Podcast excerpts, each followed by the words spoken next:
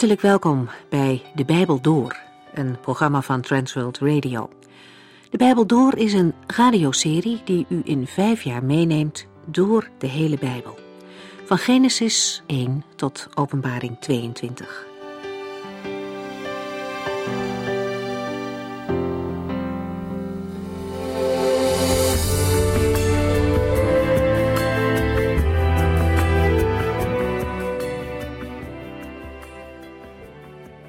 De basis voor deze programma's zijn de Bijbelstudies van dominee Vernon McGee. Het was zijn idee om via de radio een regelmatige Bijbelstudie aan te bieden. Met de bedoeling luisteraars te helpen om in vijf jaar tijd de Bijbel te leren kennen. Waarom? Omdat dominee McGee en wij ook het belangrijk vinden mensen te stimuleren tot het lezen van de hele Bijbel. In deze vierde uitzending staat een introductie van het eerste Bijbelboek op het programma. In het Hebreeuws heet het boek, naar de eerste beginwoorden, Bereshet. Dat betekent in het begin.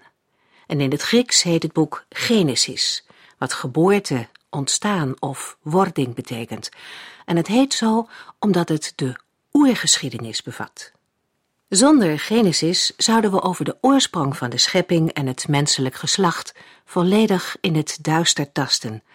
We zouden dan vandaag nog, net als onze voorouders, zijn aangewezen op volksverhalen en fabels. Voor alles stellen we de scheppingsgeschiedenis uit Genesis, want waarop wordt gegrond dat de oude volksverhalen er eerder waren dan Genesis? Als God de auteur van de Bijbel is, en dat is Hij, en Hij heeft het ontstaan en het begin van hemel en aarde doorverteld aan Mozes, en Mozes heeft het op schrift gesteld, dan is God de eerste die vertelt, en niet de mensen met hun oude volksverhalen. Als we deze openbaring van God over de schepping plaatsen voor de oude volksverhalen en hen beide stellen naast het nieuwste natuuronderzoek, dan komt daaruit een stralend licht van de waarheid over het ontstaan van de wereld. Een serieuze lezer van de Bijbel ontdekt daarin de vaste basis voor de hele Bijbel.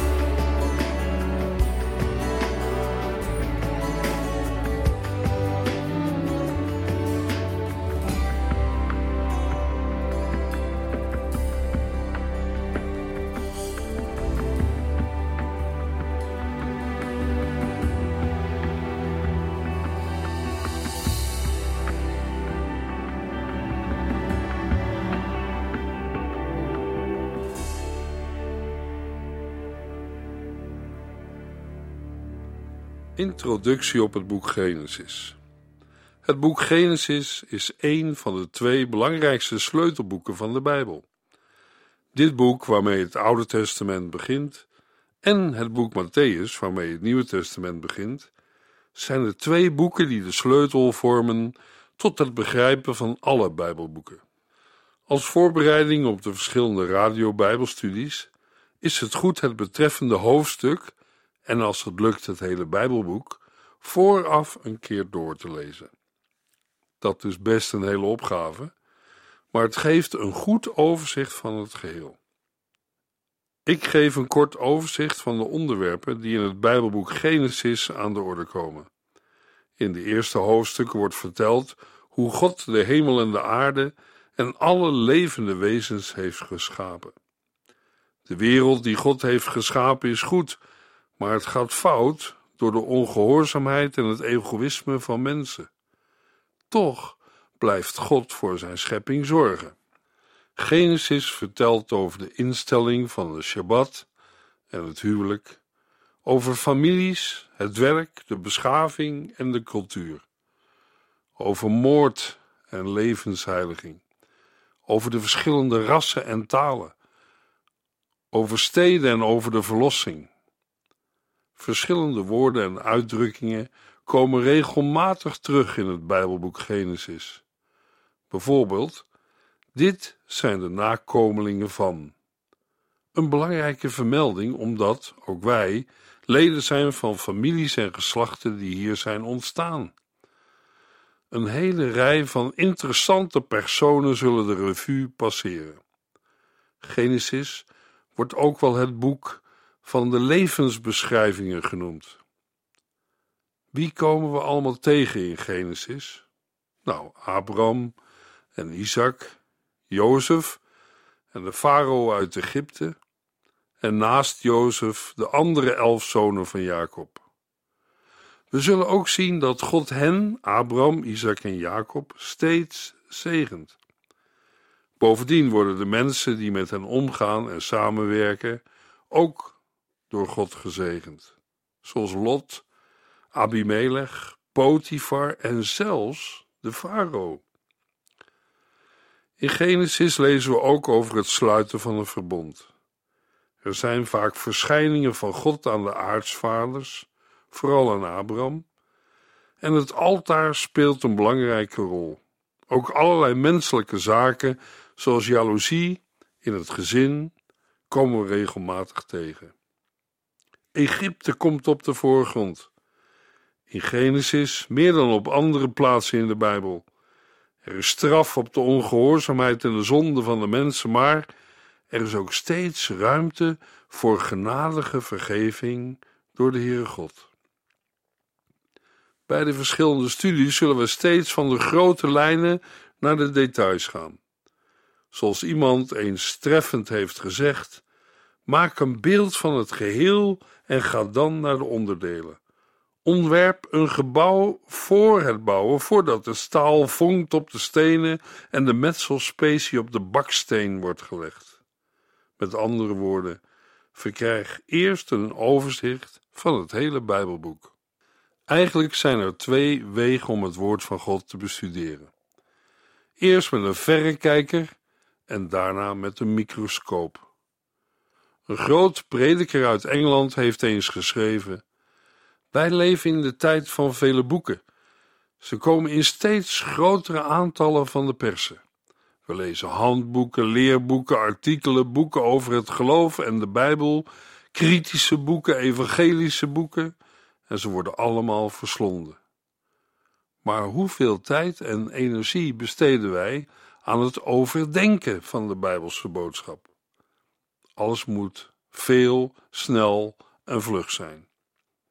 Maar het goede dat we ons zo moeiteloos toe-eigenen, is niet van een soort dat diep in ons wezen binnendringt en daarna blijvend is. Het zou goed zijn wanneer we ons realiseren dat bijna niets duurzaam en de moeite waard is, wat zonder inspanning zomaar wordt verkregen. De ware schatten van genade moeten worden gezocht met alle inspanning en energie die een mens opbrengt als hij of zij naar een kostbare parel zoekt. Een uitspraak waarmee we het wel eens kunnen zijn, omdat ik geloof dat de Bijbel zelf tot ons hart spreekt. Geen ander boek kan dat op zo'n manier als de Bijbel. En daarom willen we in deze Bijbelstudies ook de hele Bijbel door. Alle teksten van de Bijbel willen we lezen en begrijpen voor ons leven van elke dag. Woord van God, van die God die gisteren, vandaag en tot in eeuwigheid dezelfde is en blijft. De Bijbel is in ons taalgebied in verschillende vertalingen verschenen. In deze serie Bijbelstudieprogramma's gebruiken wij de vertaling van het boek. Het boek staat bekend als een laagdrempelige uitgave van de Bijbel. De uitgave legt het volle accent op de verstaanbaarheid. Het is een parafrase, een gedachte voor gedachte vertaling. Bij de vertaling is er vooral gekeken naar de betekenis van de Bijbeltekst. En daarnaast is er geprobeerd de Bijbeltekst zo eenvoudig en toegankelijk mogelijk over te brengen naar de Nederlandse taal. Het boek wordt veel gelezen door beginnende Bijbellezers. Of het nu gaat om mensen die weinig vertrouwd zijn met de Bijbel, of jongeren die weinig Bijbelervaring hebben, migranten, nieuwe Nederlanders, oude Nederlanders zonder christelijke achtergrond. Ze alle blijken in de praktijk gemakkelijk in te stappen bij de tekst van het boek. Luisteraar, als u nog geen Bijbel in uw bezit heeft, dan kunt u de vertaling van het boek als speciale aanbieding bij de programma's van de Bijbel door bij ons bestellen. Al sinds anderhalve eeuw leggen spade en houweel de beschavingen van het oude Midden-Oosten bloot. De resultaten zijn overweldigend. Musea in Europa, Amerika en het Midden-Oosten staan vol met originele of replica van monumenten, beelden, kleitabletten en andere voorwerpen die de aarde heeft moeten prijsgeven. Het aantal vondsten zal voorlopig niet verminderen. Natuurlijk heeft niet al het materiaal dat is ontdekt en opgegraven betrekking op de bestudering van Genesis. Veel ervan is ook van algemene betekenis of betreft andere Bijbelboeken. Desondanks zijn de vondsten die verband houden met Genesis zeer omvangrijk, zelfs te veel om ze allemaal te noemen, maar we zullen er zeker een aantal vermelden. Een archeologisch commentaar op de afzonderlijke versen van Genesis is binnen het kader van de Bijbel door niet mogelijk. Verscheidene onderwerpen die verband houden met de belangrijkste gedeelten uit Genesis kunnen we niet bespreken, maar wel noemen. Bijvoorbeeld de Mesopotamische scheppingsverhalen, de Babylonische Sabbat en de ligging van de Hof van Eden worden genoemd in samenhang met de beide eerste hoofdstukken van het Bijbelboek Genesis. De onderwerpen en zaken die aan de orde komen, behoren tot verschillende wetenschappelijke disciplines. Mogelijk dat uw vragen, luisteraar, nu net niet aan de orde komen. Het behoort niet tot de verantwoordelijkheid van een archeoloog om zich bezig te houden met vragen over de oorsprong van de mens, de duur van het verblijf van de mensen op aarde of de oorsprong van de verschillende rassen. Dat zijn zaken voor de antropoloog. De meeste aspecten van het onderzoek naar de zonvloed behoren tot het gebied van de geologie en het probleem van de verklaring voor Jacobs gestreepte kudde in Genesis 31 is weer een zaak van de zooloog. Daarom zei ik er net dat veel vragen van luisteraars over Genesis waarschijnlijk niet aan de orde komen. Daarentegen moet ook worden gezegd dat de archeologie een gecombineerde wetenschap is. De archeologie maakt gebruik van ontdekkingen van chemici, zoologen, botanici, antropologen, hydrografen en vele anderen, om inzicht te krijgen in uitgestorven of verdwenen beschavingen. De archeoloog die in het Midden-Oosten opgravingen verricht, ziet zichzelf vooral als iemand die een reconstructie probeert te maken van het leven in die tijd. Terwijl hij zich concentreert op de overblijfselen van een oude cultuur, probeert hij zich ook een idee te vormen van de leefwijze en de omgeving van de mensen die deze cultuur hebben ontwikkeld. De Bijbelse archeoloog gebruikt al deze informatie ter vergroting van zijn kennis van de Bijbel en haar historische achtergronden. Soms gebruikt hij zijn ontdekkingen ook om de geloofwaardigheid van de Bijbel te ondersteunen. We gaan verder met de belangrijkste onderdelen van het Bijbelboek Genesis. De eerste elf hoofdstukken vormen één samenhangend geheel. Er wordt verteld hoe God hemel en aarde en alle levende wezens heeft geschapen. Hoe het fout ging door de ongehoorzaamheid van de mens, aan hoe God na de grote vloed, ook wel de zondvloed genoemd, heeft gezegd dat hij de aarde nooit meer op die manier zal straffen. Vanaf hoofdstuk 12 tot het slot van Genesis worden heel andere zaken beschreven. Het eerste deel omvat de periode van de schepping tot Abraham en het tweede deel van Abraham tot Jozef. Het eerste deel, hoofdstuk 1 tot en met 11, behandelt belangrijke gebeurtenissen, zoals de schepping, de zondeval, de zondvloed en de torenbouw van Babel. En het tweede deel vanaf hoofdstuk 12 gaat over personen. Abraham, de man met een groot geloof. Isaac, de zoon van de belofte. En Jacob, de uitverkorene zoon. Over zijn vlucht van huis, zijn dieptepunten en overwinning. Het Bijbelboek Genesis en de Bijbelse tijd kan ook op een andere manier worden ingedeeld. Bijvoorbeeld een indeling in jaren. De eerste elf hoofdstukken omvatten dan een periode van ruim 2000 jaar. Vanaf Genesis 12 tot de geboorte van Christus, het begin van het Nieuwe Testament, is eenzelfde periode, ook ongeveer 2000 jaar. En van Christus geboorte tot nu is weer 2000 jaar. Daarin komt uit dat de Joodse overlevering gelijk is aan de christelijke. Als het bijvoorbeeld gaat om de oudheid van de aarde. Immers de Joodse kalender begint bij de schepping van de wereld. Volgens de Joodse overlevering vond deze plaats in het jaar 3761 voor Christus. God heeft met deze indeling ook een bepaald doel. De twee latere delen krijgen veel meer nadruk dan het eerste. Het eerste deel gaat over het heelal en de schepping. En daarin worden 2000 jaar beschreven in elf hoofdstukken. Het tweede en derde deel behandelt de geschiedenis van de mens, met zijn leven en woongebieden en met de geschiedenissen over de persoon van de Heer Jezus Christus. Daarvoor wordt vanaf Genesis 12 de rest van de Bijbel gebruikt. En wat mag daarvan de conclusie zijn?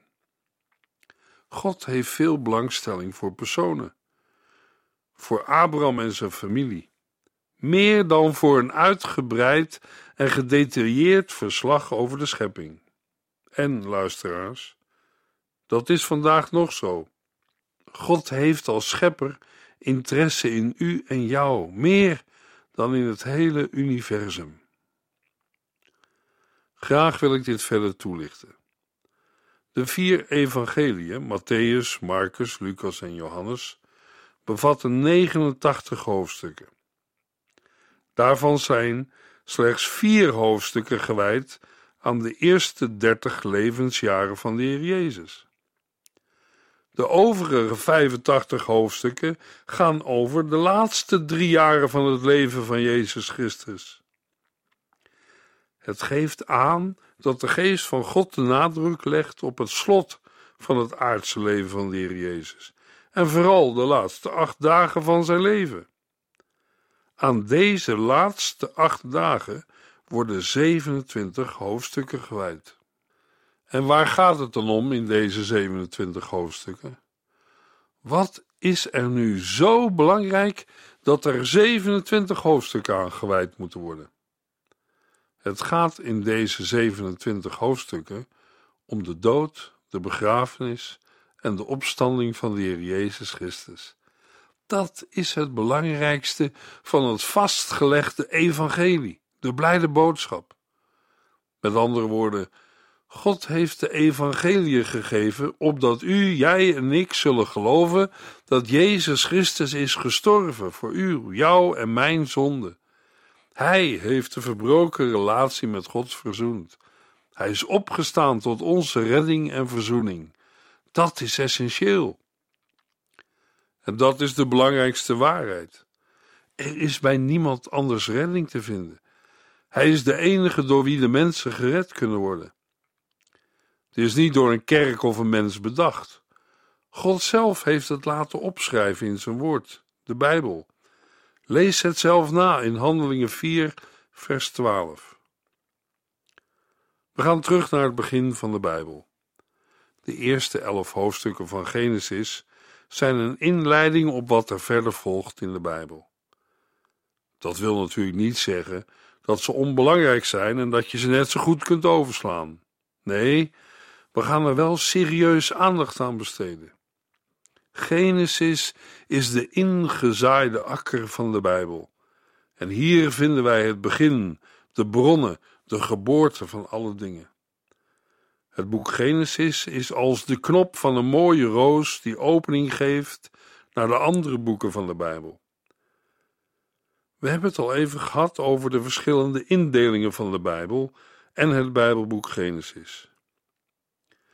Een indeling die goed kan helpen bij het lezen en begrijpen van de Bijbel is de indeling in families. Ik geef een voorbeeld aan de hand van het Bijbelboek Genesis. Na de beschrijving van het ontstaan van hemel en aarde, in Genesis 1 tot hoofdstuk 2, vers 6, volgen de families van Adam. In Genesis 2, vers 7 tot en met 6, vers 8. Daarna lezen we van Noach. In Genesis 6, vers 9 tot hoofdstuk 9, vers 29. En van zijn zonen in Genesis 10 tot hoofdstuk 11, vers 9. Dan volgen de families van de zonen van Sem in Genesis 11, vers 10 tot en met 26. Van Terach in Genesis 11, vers 27 tot hoofdstuk 25, vers 11. Van Ismaël in Genesis 25, vers 12 tot en met 18 en van Isaac in Genesis 25, vers 19 tot en met hoofdstuk 35, vers 29. Van Esau in Genesis 36, vers 1 tot hoofdstuk 37, vers 1 en van Jacob in Genesis 37 tot aan het einde. Al deze families worden beschreven in het eerste Bijbelboek. Genesis is een bijzonder boek en het helpt ons om het vanuit het gezichtspunt van de families te lezen. Samenvattend gaat het in de eerste elf hoofdstukken van Genesis over de schepping, over de ongehoorzaamheid van de mens en de zondeval, de zondvloed en de torenbouw van Babel.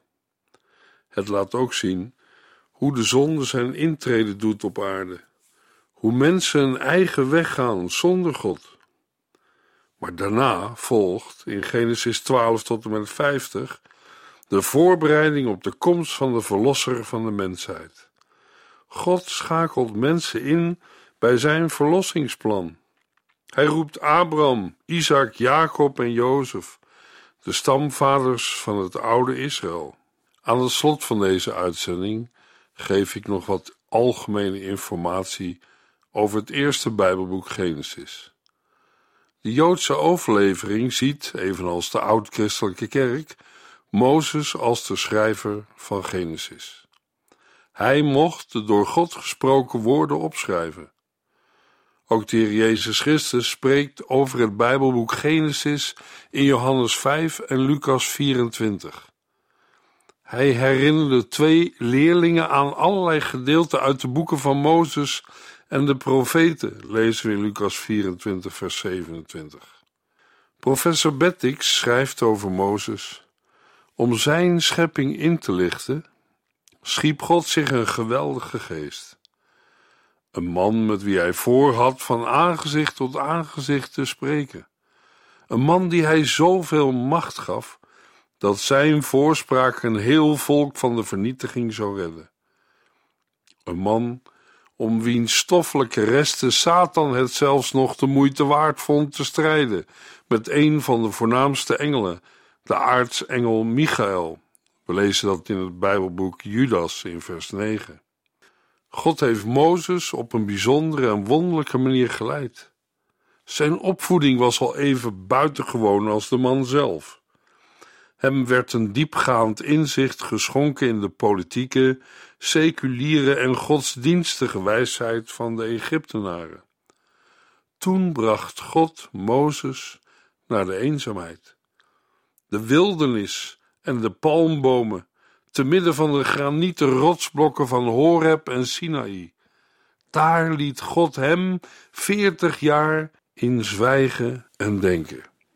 En als Mozes geen andere wens meer heeft dan rustig tussen de kudde naar zijn einde toe te leven, dan staat er opeens een struik in vuur en vlam. En een stem openbaart hem de naam van God en Mozes wordt geroepen tot een grote taak. Een taak zo groots als bijna nooit een sterveling is opgedragen. Het was een drievoudige taak, want een volk moet, om een natie te zijn, een godsdienst hebben, wetten en een geschiedenis. God heeft ze alle drie door Mozes aan Israël gegeven. Het Bijbelboek Genesis is geen sage of een mythe, ook geen literaire geschiedenis van een oud volk. Een man als Mozes, die van aangezicht tot aangezicht sprak met Yahweh, de God van Israël, vertelt geen oude sage over de schepping. Hij ontving de opgeschreven informatie van de schepper zelf. Hij hoefde maar te vragen als hij meer wilde weten. Zou God, die aan zijn volk, aan Joden en christenen, de opgeschreven woorden van Mozes wilde schenken, hem niet hebben onderwezen? God liet aan profeten en apostelen veel zien, opdat ze konden zeggen: Wat onze ogen gezien hebben en onze oren gehoord, dat verkondigen wij. In dat licht is het niet verwonderlijk dat aan Mozes de wet werd gegeven. En daarnaast openbaring over het begin en de toekomst van de mensheid. Het eerste hoofdstuk van de Bijbel is dan een verslag van iemand die het mocht zien en het dan weergeeft in woorden. Groots, als een uitgehouwen monument in weerbarstige taal. Dit eerste boek van de Bijbel is een getuigenis van Gods almacht en van zijn regering.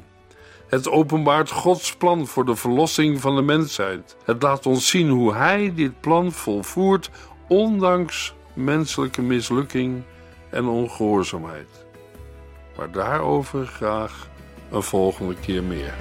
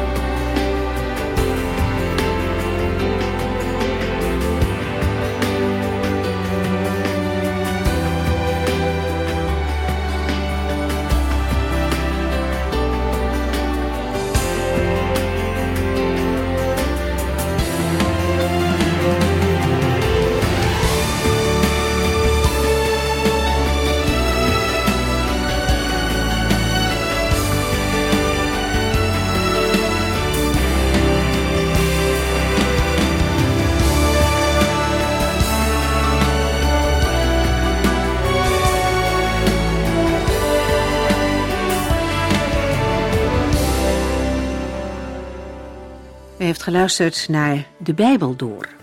In het Nederlands vertaald en bewerkt door Transworld Radio. Een programma waarin we in vijf jaar tijd de hele Bijbel doorgaan.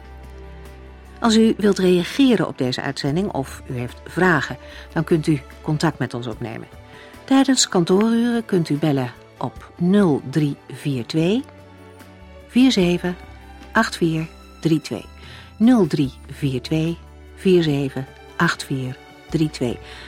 Ook kunt u een e-mail sturen naar de Bijbel door transworldradio.nl en natuurlijk kunt u ook via de post ons bereiken.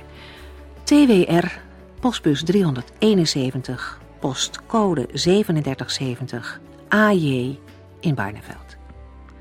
Dit programma werd gepresenteerd door Cor Weda en Ike André. Techniek was in handen van Odin van Voerkom. En wij allemaal bedanken u voor het luisteren. Graag tot de volgende keer.